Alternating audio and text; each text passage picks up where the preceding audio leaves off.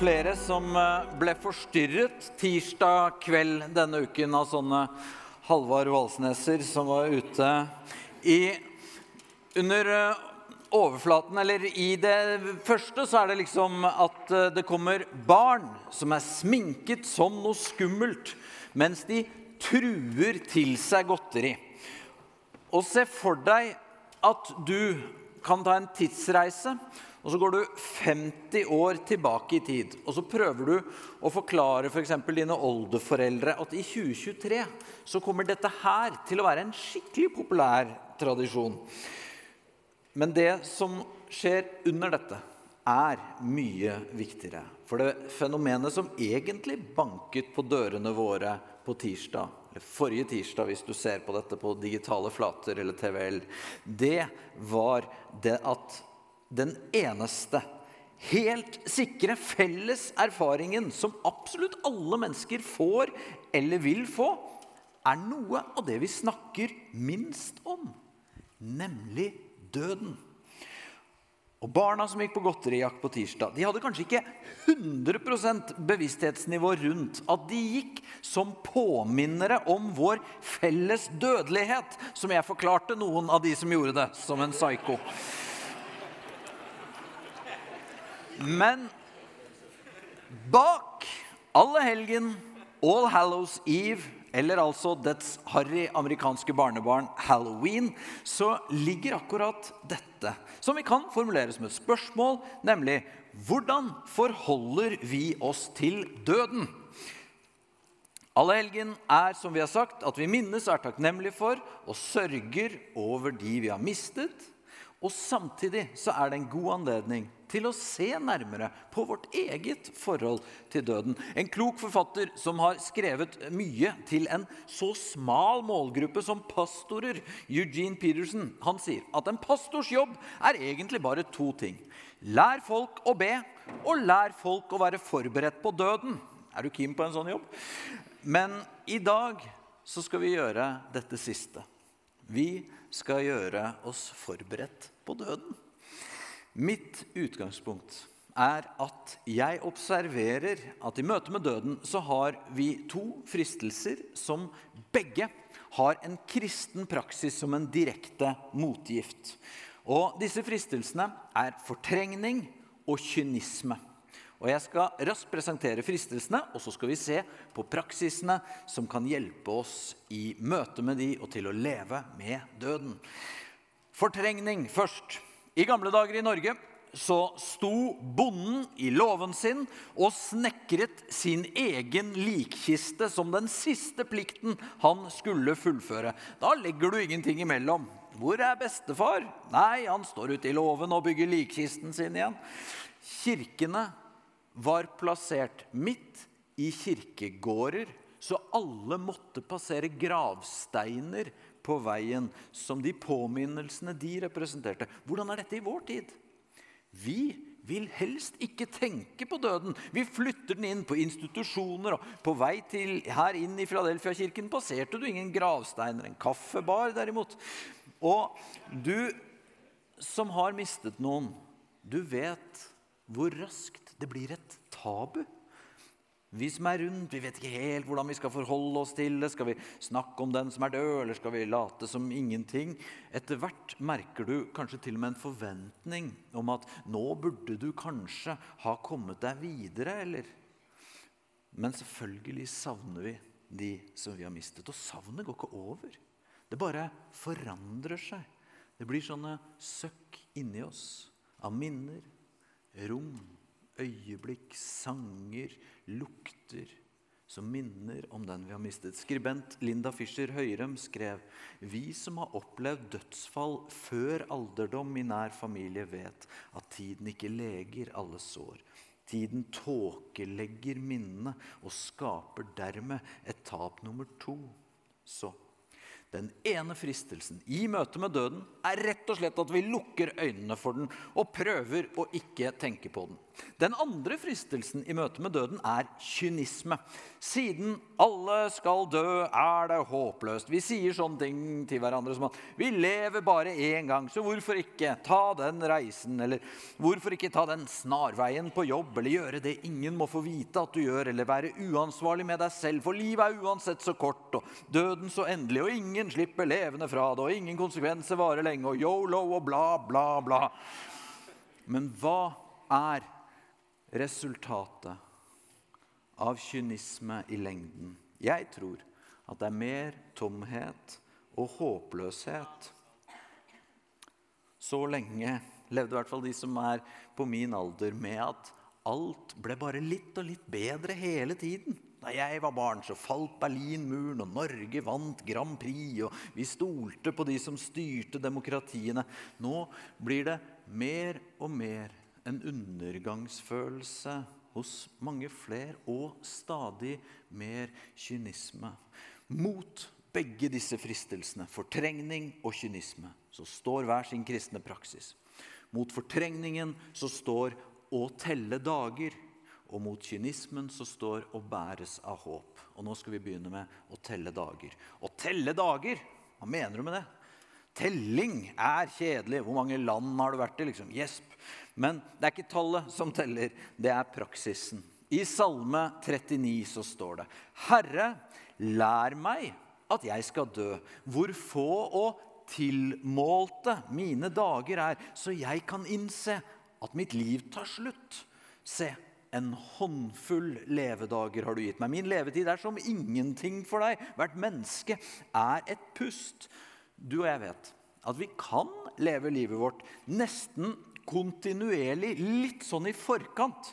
Akkurat nå er det ikke så bra, men når jeg bare får trent litt mer, eller bare renta går ned igjen, eller bare jeg får kjæreste eller en bedre kjæreste, når det bare blir skiføre i marka igjen, eller når det blir vår, da skal jeg leve. Det er ikke den bønnen kong David lærer oss å be her. Tvert imot. Livet er det du har i hendene akkurat nå. Vi har en håndfull levedager, står det. Og selv om salmen her for de fleste av oss overdriver litt, så skjønner vi jo at jo, jo lenger vi lever, jo mer sant er dette. Vi har få dager. Og Derfor ber vi nesten alltid Salme 90 i begravelser. Som har vært i begravelse, har kanskje lagt merke til det. Som lyder Lær oss å telle våre dager, så vi får visdom i hjertet. Ok, jeg tror jeg skjønner hva du mener, men hva? det var da veldig dystert å drive og tenke på at dagene våre er talte, at ikke det kommer uendelig mange av dem. Er ikke det for pessimistisk? Verden trenger optimister, det eh, sa jeg i stad. Men ikke folk som er optimister fordi de fortrenger lukker øynene, flykter vekk fra det vonde eller døden. Eller som Knausgård skriver om i sin siste triologi, om milliardærer i Silicon Valley som injiserer seg med tenåringsblod for å bli udødelige. Det vi trenger, er optimister som teller dager. Altså som vet at livet er verdifullt. Dagene er gaver vi har i hendene våre. Og det å telle dagene våre, det gjør oss også ekstra våkne for det som er bra. Tenk på da du var liten og hadde det skikkelig gøy. Så var det ikke sånn at du tenkte nå må jeg virkelig nyte dette her, for det går snart over. Nei, nei. Og fortsatt så er vi sånn at når vi er i vater, kroppen er frisk og vi lykkes med det vi gjør, så tar vi nesten alltid for gitt at det kommer bare til å fortsette sånn. Da tenker vi uflaks at jeg skulle komme i kirken akkurat på alle allehelgenssøndag. For jeg har jo ikke tenkt å dø. Hva er alt dette for noe? Og det er akkurat da vi blir lurt av fortrengning. For da har vi begynt å tro at det er vi som har kontrollen. Jesu lillebror Jakob sa utfordrende og nå, dere som sier, i dag eller i morgen drar vi til den eller den byen og blir der et år og driver handel og tjener penger, og så vet dere ikke engang hvordan livet deres blir i morgen. Dere er jo bare røyk, synlig en kort stund, og så borte. Hør, det er et hovmod i oss mennesker hvis vi ikke lærer å telle dager. En hallo, protest! Vi kan faktisk legge opp livet smart, ta ansvar, få gode resultater. Og jo da, den tyske sosiologen Max Weber skrev berømt at det er ikke rart at protestantisk kristen etikk, altså disse idealene om å så og høste og være ærlig og jobbe hardt og sånn, at det ga grobunn for kapitalisme og fremgang materielt sett. Altså, de som planlegger, driver handel, jobber hardt og tjener penger, de får det ofte bedre. Og det er sant. Men så er det bare alle de faktorene som vi ikke kan kontrollere. Bilulykken, hodesmertene som ikke ble borte, de mørke tankene, de dårlige dagene. Og så kommer allehelgens søndag, eller hvis du er skikkelig god på positiv fortolkning, også halloween. Og så innser vi, i alle fall i glimt, at vi egentlig aldri hadde grunn til å tro noe annet enn at også våre dager er talte, i den forstand at de er begrensede. En håndfull dager. Og hvis vi kan ha dette her som en praksis, som en levende bevissthet, så kanskje, kanskje kan vi forvalte livene våre litt mer med den innsikten som vi alle får når en lege gir oss et helt konkret tall på hvor mange uker eller måneder vi har igjen å leve. Kanskje kan det å telle dager, det å vite at vi ikke har uendelig av tid, gjøre at vi blir mindre hovmodige og gir opp illusjonen av å ha kontroll på alle utfall. For dagene, ukene, årene, relasjonene, måltidene, hverdagene, feriene de er så dyrebare. Og i takknemlighet for Guds hånd, som har gitt oss alt, så kan vi være til stede i de øyeblikkene vi har, eller telle dager, som Bibelen kaller det. Og Det er altså den første praksisen for å lære å leve med døden, er å kjempe mot fortrengning. I dag er en gave, og vi har en håndfull av dem. Da kommer vi til den andre praksisen, som er motgift mot kynisme, nemlig det å bæres av håp. Vi sa at kynisme det er denne fristelsen vi kan kjenne på når vi innser at alt og alle dør. Livet er så kort, og det er tross alt bare dette livet vi kan vite at vi har. Bedre med én fugl i hånden enn ti på taket osv. Og, og hva kan vi egentlig vite om det neste livet? Opplagt er det mye vi ikke vet. Men eh, det vi skal gjøre nå de neste minuttene, er å se på et avsnitt hos Paulus hvor han faktisk adresserer det kristne håpet for det neste livet veldig tydelig. Og Det er i 1. Korinterbrev, kapittel 15. Paulus tar her utgangspunkt i et spørsmål som vi alle kan stille i møte med denne tematikken her, nemlig Men nå vil vel noen si hvordan står de døde opp? Hva slags kropp har de? Og det er jo spørsmålet. Altså Hvis det er et liv etter dette, hvordan ser det ut? Hva slags kropp har vi da? Skal eh, jeg ha kroppen fra da jeg piket 44 år gammel? Eller eh, hvor gammel kommer jeg til å være? Kommer du til å ha arrene dine? De som er kremert og spredt overalt, kommer de til å bli satt sammen? Hvis vi begynner å tenke sånn, så kan det være vanskelig å tro på en oppstandelse. For det blir så mange spørsmål. Paulus blir her ganske direkte mot disse spørsmålene og fortsetter. Du uforstandige menneske. Ikke fordi det er dumt å lure, men det er dumt å av den grunn avvise troen på et liv etter dette. For Paulus gir videre her nå tre grunner til å la oss bære av håp. Det første er håpet vi ser fra naturen selv. Det andre han viser til, er håpet for kroppene våre i kristen tro. Og det tredje er håpet i Jesus selv. Vi begynner med håpet fra naturen selv. For Paulus skriver videre.: Det du sår, får da ikke liv igjen uten at det dør. Og tenk over dette. Når, eh, eller mindre optimistisk hvis du planter noe. Eh, Veronica, kona mi, planter tulipanløker i hagen hjemme. Og hadde jeg ikke visst bedre, så kunne jeg bare sett i overflaten hva det ser ut som hun gjør. En tørr løk som ser helt død ut, blir begravd i jorden, dekket over. Akkurat nå er det snø og is oppå der også. Det ser helt håpløst ut. Men fra denne tilsynelatende døden så kommer det noe høyst levende. Og ikke bare at det går an at det kan komme noe levende igjen hvis noe dør. Det trenger faktisk å dø. Tulipanløkene trenger faktisk å bli begravet for å komme opp igjen som noe annet. Hvis løken eller frøene bare blir liggende på kjøkkenbenken eller i garasjen, så blir det jo ikke noe mer.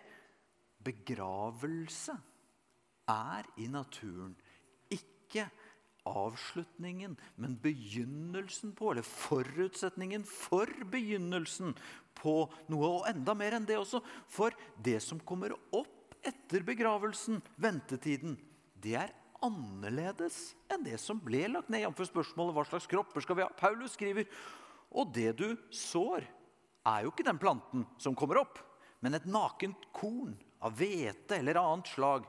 Tulipanløken ligner jo ikke engang på de vakre blomstene som kommer til våren. Det som sås, ser helt annerledes ut. Hvis du bare ser på et frø eller på deg selv, hvem vet hva dette kommer til å bli? Det er en som vet. Paulus fortsetter. Gud lar det få den skikkelse som han vil. Hvert enkelt slag får sin egen skikkelse.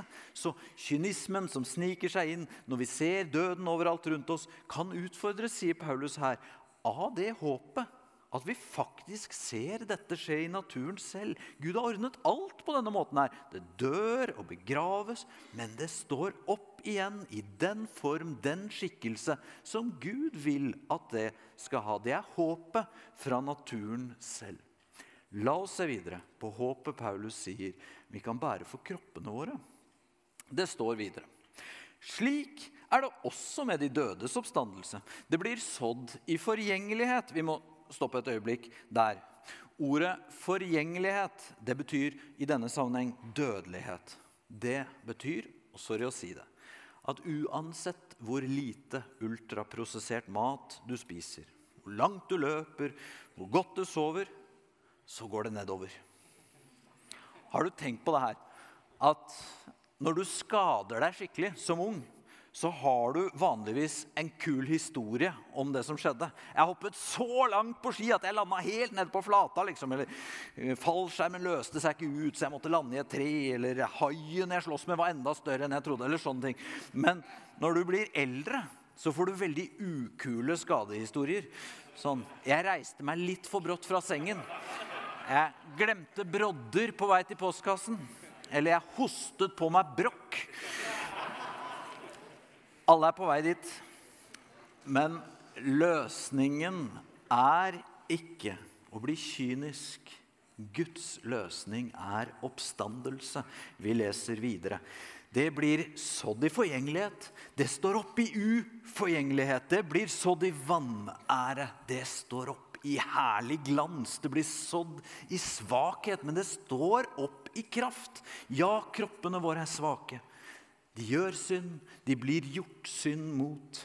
Vi blir allergiske for autoimmune sykdommer og kreft. Men det som blir sådd i svakhet, det skal stå opp i kraft. Men ikke derfor tro, og dette er et viktig poeng, at i kristen tro så er kroppen noe dårlig. Eh, og at det kun er sjelen som skal til himmelen. Det var Platon som trodde det, ikke de kristne.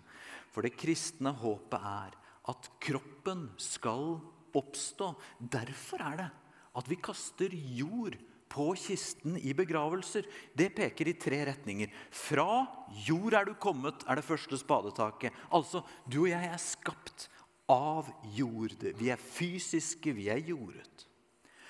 Til jord skal du bli er det andre spadetaket. Det er sant, selvfølgelig, at kroppene våre er forgjengelige og skal bli til jord. Men det stopper ikke der. Det tredje vi sier i begravelse, er fra jord skal du igjen oppstå. For vi tror på kroppens oppstandelse. Paulus skriver videre. Det blir sådd en kropp som hadde en sjel. Det står opp en åndelig kropp. En kropp Hvordan skal kroppen vår se ut? Det vil være en kropp som er perfekt tilpasset til å være hos Gud for alltid. Tenk på følgende spørsmål. Når var du i ditt livsform Når var kroppen din på topp? Når hadde du din beste tid på 3000 meter på Bislett hvis du gikk på skole her i sentrum? Det er et lurespørsmål. For din og min kropps beste dag er ikke bak oss. Om du så har OL-gull eller har supermodell Det kristne håpet er at det beste alltid ligger foran. Og Det er ikke et hult slagord. Dette er god teologi også for kroppene våre. Det er fantastisk. Det beste for vår kropp, det ligger foran oss. Men siden fristelsen vi snakker om her, er kynismen, så kan vi jo si ja, ja, fin tanke det. Gjerne ha det sånn. Hvordan kan vi vite det? Paulus peker altså først til naturen selv. Det her skjer hele tiden. At noe dør og begraves, og så gir det rom for nytt liv. Og så viser han til kristen tros løfte for kroppene våre. Det er et realistisk bilde. Vi er døende, men skal stå opp igjen som åndelige kropper, gjort i stand for Guds rike for alltid. Men kan vi tro på det sånn egentlig? Paulus har en enda mye sterkere grunn å ankre dette håpet i. Og det er nemlig til Jesus selv. For det vi håper at skal skje med oss, det har allerede skjedd i historien med Jesus. Han var død den fredagskvelden i Jerusalem. Det var ingen tvil. Teolog og forsker N.T. Wright har skrevet et av sine hovedverk om Jesu oppstandelse. Og Her viser han veldig tydelig hvor unik, usannsynlig og revolusjonerende ideen om at Jesus sto opp fra de døde, faktisk var. Det var andre religioner som hadde hatt sykliske tanker om guder og, som kom tilbake. og sånn, Men at et menneske sto opp igjen fra de døde, det var utelukket. Og første århundrets jødedom var en av de minst sannsynlige kontekstene for å eventuelt skape en myte om noe sånt. For ingen var åpne for at det kunne skje. Likevel skjedde det. Så i teksten vi ser på akkurat nå i 1. Korinterbrev 15, så setter Paulus opp vår dødelighet og Jesus som historien om to Adamer. Den første Adam det er oss mennesker som vi i utgangspunktet er av jord og dødelige. Og Det vet vi, og det erfarer vi. Men så forandres hele verden med at det kommer en ny Adam, altså Jesus, som Paulus kaller den siste Adam. Og Så skriver han om det og konkluderer på samme måte som vi har båret det jordiske menneskets bilde skal vi også bære den himmelskes bilde. Vi er ikke lenger bare dødelige kropper som gradvis blir dårligere. Vi bærer bildet av den himmelske, altså Jesus. Og fordi han vant over døden, skal vi også vinne. I Romerbrevet skrev Paulus sånn om akkurat dette. Han reiste Jesus opp fra de døde. Dersom Hans ånd bor i dere, skal Han som reiste Kristus opp fra de døde, også gi deres dødelige kropper liv ved sin ånd som bor i dere. Hører du denne grå novemberdagen? Du har sterkere krefter inni deg. Guds ånd, som den deilige søndag morgen første påskedag reiste Jesus opp fra de døde, skal også reise oss opp. Så vi kan bæres av håp. Fordi vi ser det i naturen hele tiden. Ting dør og begraves, men så kommer det opp igjen som noe bedre. Vi ser det i kristen tros løfter om kroppene våre, at det beste ligger foran. Og vårt håp kan være ankret i at dette har allerede skjedd med Jesus. Og den kraften som reiste han opp fra døden, den bor også i oss. Til slutt, da. Hvordan skal vi tenke om kroppene våre, om døden, om livene våre? Vi kan kjenne oss dratt mot fristelsen på den ene siden til å fortrenge tanken om døden. Hvordan vet jeg at jeg gjør det? Jo, hvis ethvert tegn på din dødelighet blir en sånn ubehagelig påminnelse du vil prøve å unngå. Vi takler ikke rynker i pannen, grå hår eller større mage fordi det minner oss om vår dødelighet. Eller vi kan dras mot fristelsen til kynisme At kroppen blir håpløs. Det er bare dette tomme skallet vi skal bort fra. Og kristne har ofte tenkt sånn er det. Spiller ingen rolle med kroppen, med det fysiske, med naturen, med dette livet. For alt som teller, er det neste livet, som bare er noe åndelig og svevende. Mot begge disse fristelsene så står kristen tro og sier at kroppene våre teller. Men det er ikke vårt strev som skal berge kroppen og livet til slutt. Det er Guds omsorg og kjærlighet for oss. Gud skal kle våre dødelige kropper i sitt lys. Ved Guds hellige ånd så skal våre kropper en dag bli gjort i stand til den form, den skikkelse, som vi skal få ha for alltid. Og når det skjer, da kommer vi til Paulus store finale i avsnittet som vi leser sammen i kveld. Og her blir Paulus ivrig. Jeg må nesten advare. Det står Og når dette forgjengelige er kledd i uforgjengelighet, og dette dødelige er kledd i udødelighet, da oppfylles det som står skrevet. Døden er oppslukt, seieren vunnet. Død, hvor er din brodd? Død, hvor er din seier? Det er breialt å skrive. Døden er fortsatt ofte så uendelig trist. Det er nesten alltid kaldt på kirkegårder. Vi kan synes vår egen dødelighet er tung å bære. Og jo lenger vi lever, jo flere savner vi. Men det svimlende i Paulus perspektiv er at døden mister noe av sitt sting, sin endelighet. Jeg kom over den engelske poeten George Herbert, som eh, på 1600-tallet skrev et dikt hvor han bruker et ordpar om døden som er frimodig. Han sier eh, For where though only wert before, an executioner at best, thou are a gardener now and more. Altså døden. Den har vært en bøddel som alltid vant. Men på grunn av Jesus seier, så er døden redusert til en gartner. Herberts poeng blir at kristne på en måte ikke begraves, de plantes. For ved Guds nåde alene og gjenreises til herlighet. Hvordan kan vi leve med døden? Vi trenger ikke å fortrenge den. Vi kan lære oss å telle dager og ærlig innse vår dødelighet og at dagene våre har vi en håndfull av. Og så trenger vi ikke å bli kyniske av dødens tilsynelatende uovervinnelighet.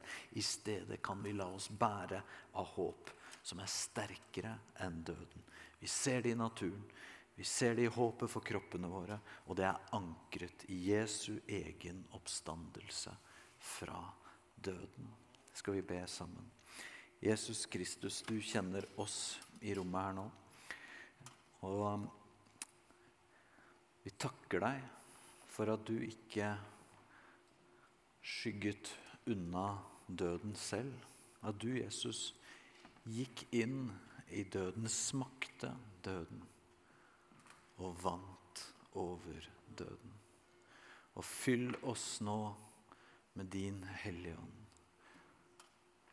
Livets ånd som står imot dødens krefter. Og nå vil jeg be, særlig for den eller de som kjenner på dødens krefter i livet sitt. Enten i form av en sykdom, i form av et mørke, i form av omstendigheter. La det bli lys. La ditt rike komme. La din seier, Jesus Kristus, være vår seier. Jeg ber om at du kaller oss ut av våre graver, som du ropte Lasarus ut den dagen, og som du en dag skal rope oss alle ut. Og la oss få leve de dyrebare dagene vi har. I troen på, i kraften fra din Hellige Ånd.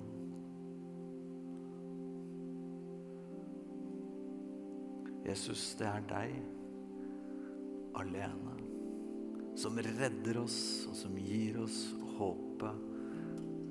når vi hyller og ærer deg. Amen.